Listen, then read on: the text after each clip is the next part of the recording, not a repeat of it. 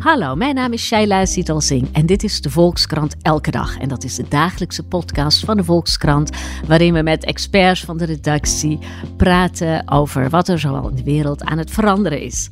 En vandaag ga ik dat doen met eh, Robert van der Griend, algemeen verslaggever. Dag Robert. Hey, hallo. En met Piotr van Lenteren. En Piotr is onze kinderboekenrecensent al, al jaren, al decennia geloof ik zelfs, hè Piotr? Ja, dat klopt. 20 jaar bijna. Al 20 jaar bijna. Nou, in deze setting kan het niet anders dat we het gaan hebben over Pim Lammers. Pim Lammers, kinderboekenschrijver. Hij zou dit jaar het kinderboekenweek gedicht schrijven. Maar hij trok zich terug nadat er een online hetze tegen hem op gang was gekomen. En die uiteindelijk tot doodsbedreigingen heeft geleid. En hem ertoe heeft doen besluiten om het maar helemaal niet meer te doen. Nou, hoe zit dat? Wie zijn ervoor verantwoordelijk? Daar gaan we het over hebben. Uh, Robert, om met jou te beginnen. Jij hebt in kaart proberen te brengen hoe die hetze tegen hem is begonnen. Uh, waar de oorsprong ligt en wat de gedachten daarachter zijn.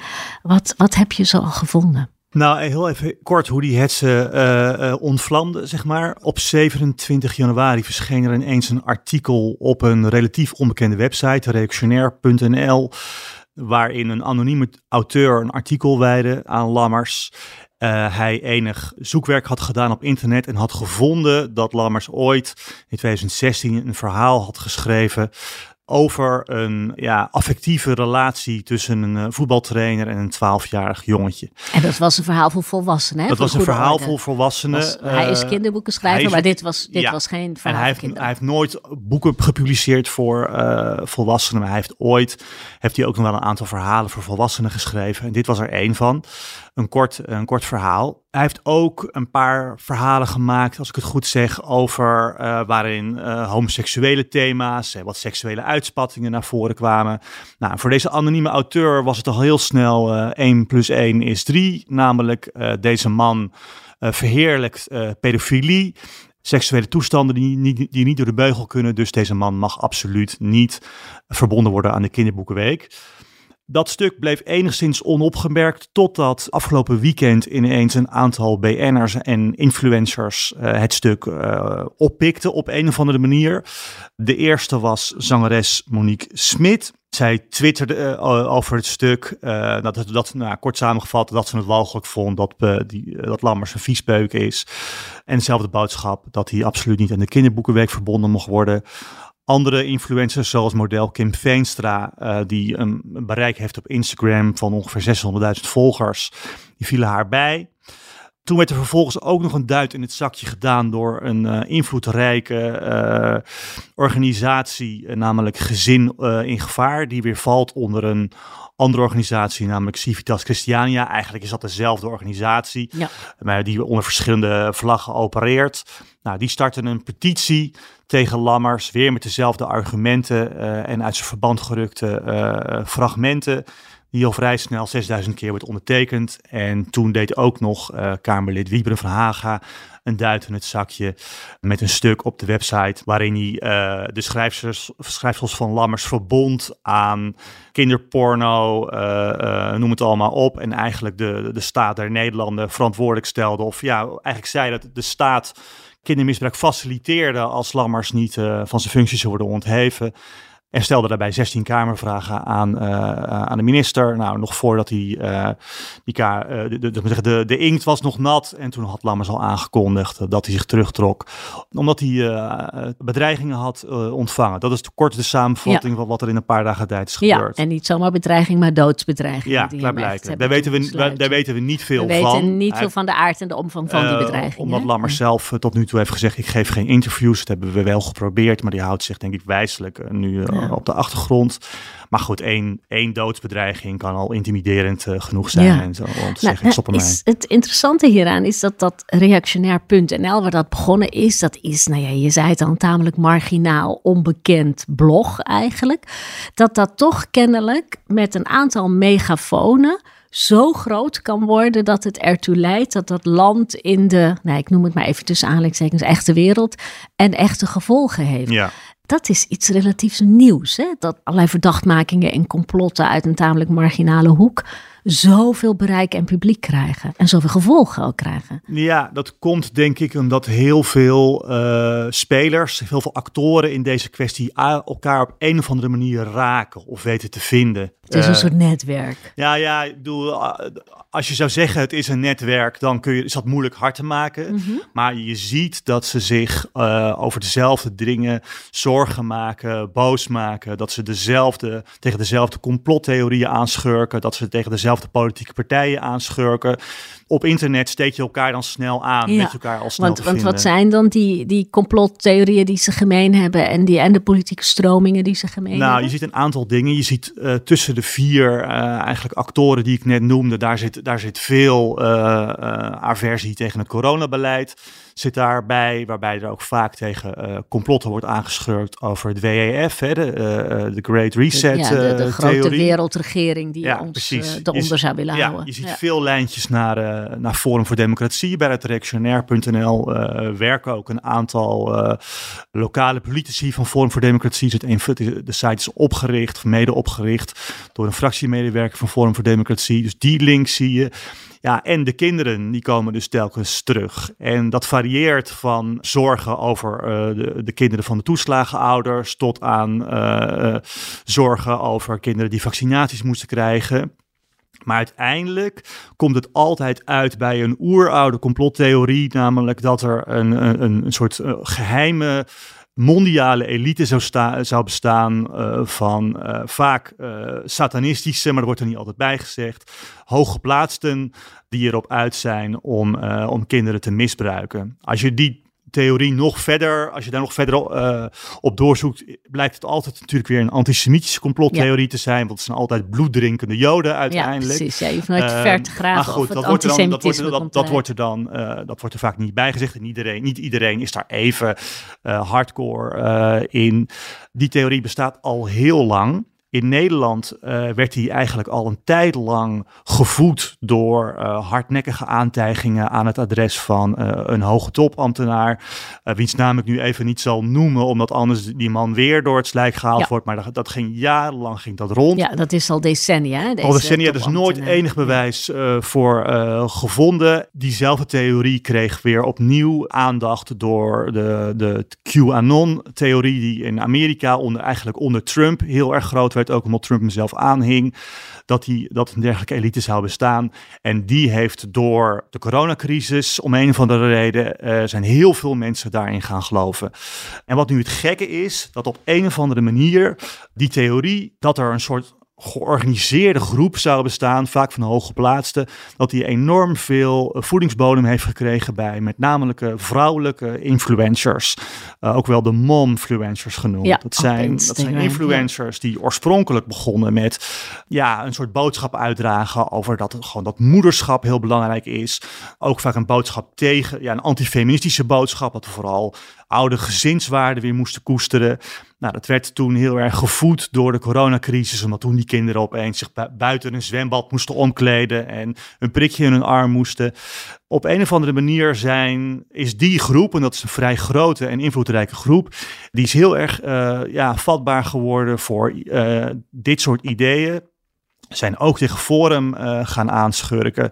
Ja, en dan zie je dus, dat is op zo'n moment dat Pim Lammers op deze manier door het slijk gehaald wordt, dat is meteen types als Kim Veenstra, die op Twitter dus heel erg die theorie over eh, die hoogtopambtenaar blijkt aan te hangen, hier ook meteen bovenop eh, opspringt en, eh, ja, en, en allerlei eh, verbanden legt. En dan, kan, ja, dan is het snel eh, gedaan met je. Ja, dit is die, die groep vrouwen, dat is de groep die Roxanne van Ypres Wellness rechts noemt. Ja. Hè? Een bepaalde, Ja. die heel erg bezig zijn met gezondheid en met natuurlijke gezondheid vooral. En, en hier tegenaan schurken.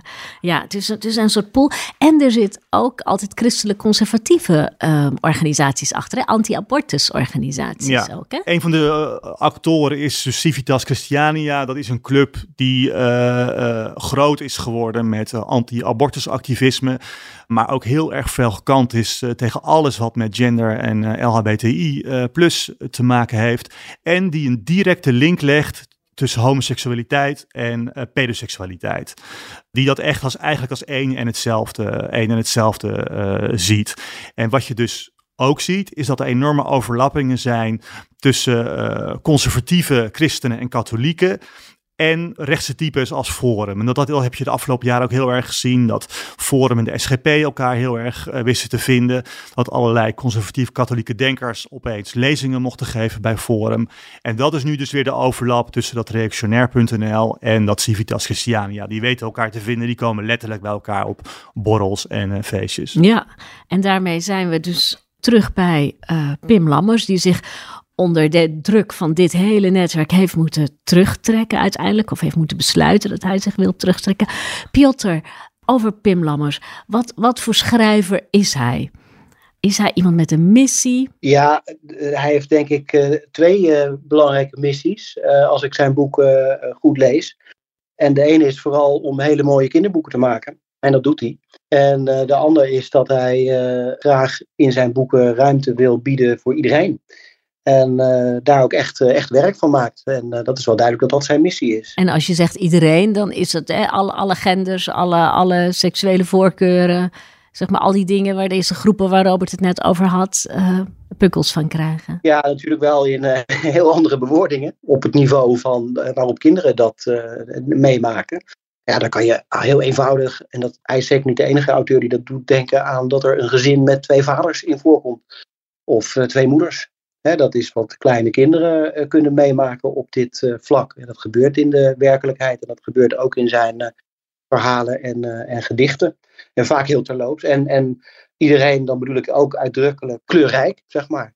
Dus het gaat om alles wat kinderen tegen kunnen komen. Jij recenseert al, al, heel, al heel lang, al je hele leven, uh, kinderboeken, kinderliteratuur. Is hij een goede, goede kinderboekenschrijver? Was het een terechte keuze van de Kinderboekenweek? Ja, het is wel heel vroeg in zijn carrière dat hij al dit soort dingen mag doen. Maar dat heeft zeker te maken met de hoge kwaliteit van zijn, van zijn werk. Ik schreef, denk ik, twee jaar geleden. Nou, van deze gaan we nog een hoop horen. Ik had natuurlijk niet gedacht dat het op deze manier zou zijn.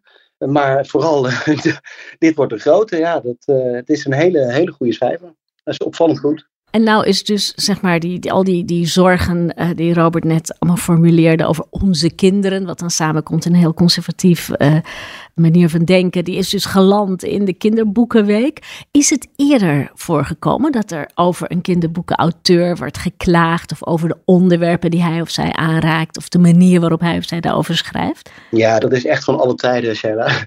Dat begint al uh, meteen als kinderboeken beginnen uh, te, verschijnen. Hè. Het wordt eerst echt apart voor kinderen boeken worden gemaakt. Is er altijd al bemoeienis uh, met wat daarin staat. En dat heeft lang vooral opvoedkundige redenen gehad. Uh, wat voor denkbeelden geef je kinderen mee uh, in een boek? Daar heeft eigenlijk het Nederlandse kinderboek zich relatief vroeg van bevrijd. Annie M.G. Smit is daar een grote naam in geweest. Die, die schreef kinderboeken, nou ja, die, die anti-autoritair. Ja, lekker stout. Lekker stout, dat is een hele goede, dat is een, een programmatisch gedicht. dat, maar ja, als je voorbeelden wil, uh, voor Annie M. zie Dick Trom was een heel groot probleem. Dat zien we nu als een brave jongen, maar die werd, uh, toen uh, werden die boeken niet aangeraden in bepaalde kringen, want hij was wel heel brutaal. Oh, slecht voor de kinderziel. Ja, ja Pietje Bel was slecht voor de kinderziel. En ja, mijn tante mocht Pippi Langkous niet lezen van mijn opa. Uh, want dat was uh, te tegendraads. Dus ja, dat is ja, twee generaties geleden nog heel normaal dat iedereen daar van alles van, van vond. Dus hebben eigenlijk de laatste twintig jaar verstomd dat, men, dat, dat mensen zich daar minder mee bemoeien en dat alles mag in, in kinderboeken, bijna alles. Ja, want, want zeg maar sinds Annie M.G. Schmid is, is het Nederlandse kinderboek bevrijd, zou je kunnen zeggen? Nou ja, er is altijd nog wel commentaar. Uh, om een, voorbeeld, een recent voorbeeld is dat uh, Harry Potter uh, met name in Amerika een probleem was, omdat die boeken occult zouden zijn. Nou ja, dat is ook alweer twintig jaar geleden. Dat is bij, aan het begin van mijn carrière was dat een van de eerste die, oh, dat kinderboeken zo in het nieuws waren. Dat speelde niet in Nederland. Uh, ja, er zijn wel kinderboeken geschreven waarin uh, zelfmoord wordt gesuggereerd. Ja, daar reageren ook mensen op van moet je dat wel willen uh, bespreken met jonge mensen. Dit was al een boek voor jongeren ook, dus voor oudere kinderen, niet voor, voor basisschoolkinderen. Dus ja, er zijn eigenlijk regelmatig discussies over wat je wel of wat je niet in kinderboeken mag, mag schrijven. Maar dat, ja, dat, wat ik zeg, dat is behoorlijk was behoorlijk aan het verstommen. dus, en op deze schaal, wat, wat Robert net omschrijft, dat, dat is dat is wel uniek. Dat heb ik, heb ik niet eerder meegemaakt en ook niet eerder over gelezen. Nee, en, en dit, deze groeperingen richten zich gewoon tegen diversiteit in zijn algemeenheid. Is, is diversiteit een, een toenemend thema in kinderboeken? Zie je het meer terug? Ja, zeker. Eh, dat, gaat, dat gaat stap voor stap. Ik denk dat uh, Schmid, waar we het net over hadden, die is een van de mensen die sterke vrouwelijke personages ging intro introduceren.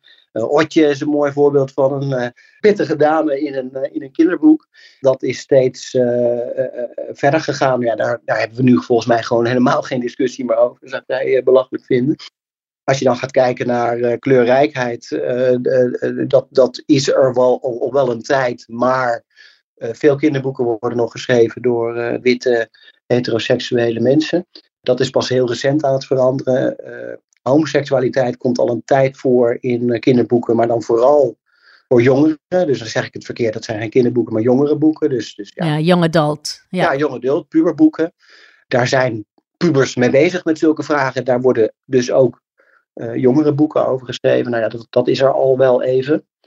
En echt in kinderboeken, dus dan heb je het over uh, prentenboeken, voorleesboeken, sprookjes. Uh, is dat ja, de laatste vijf, zes, zeven jaar aan, het opkomen. En gender, of transgender, dat soort onderwerpen is echt heel recent. Waarvan Pim Lammers zelf een van de bekende voorbeelden is. Die debuteerde met het lammetje dat een varken is. Nou ja, het is geen geheim waar hij het eigenlijk over heeft.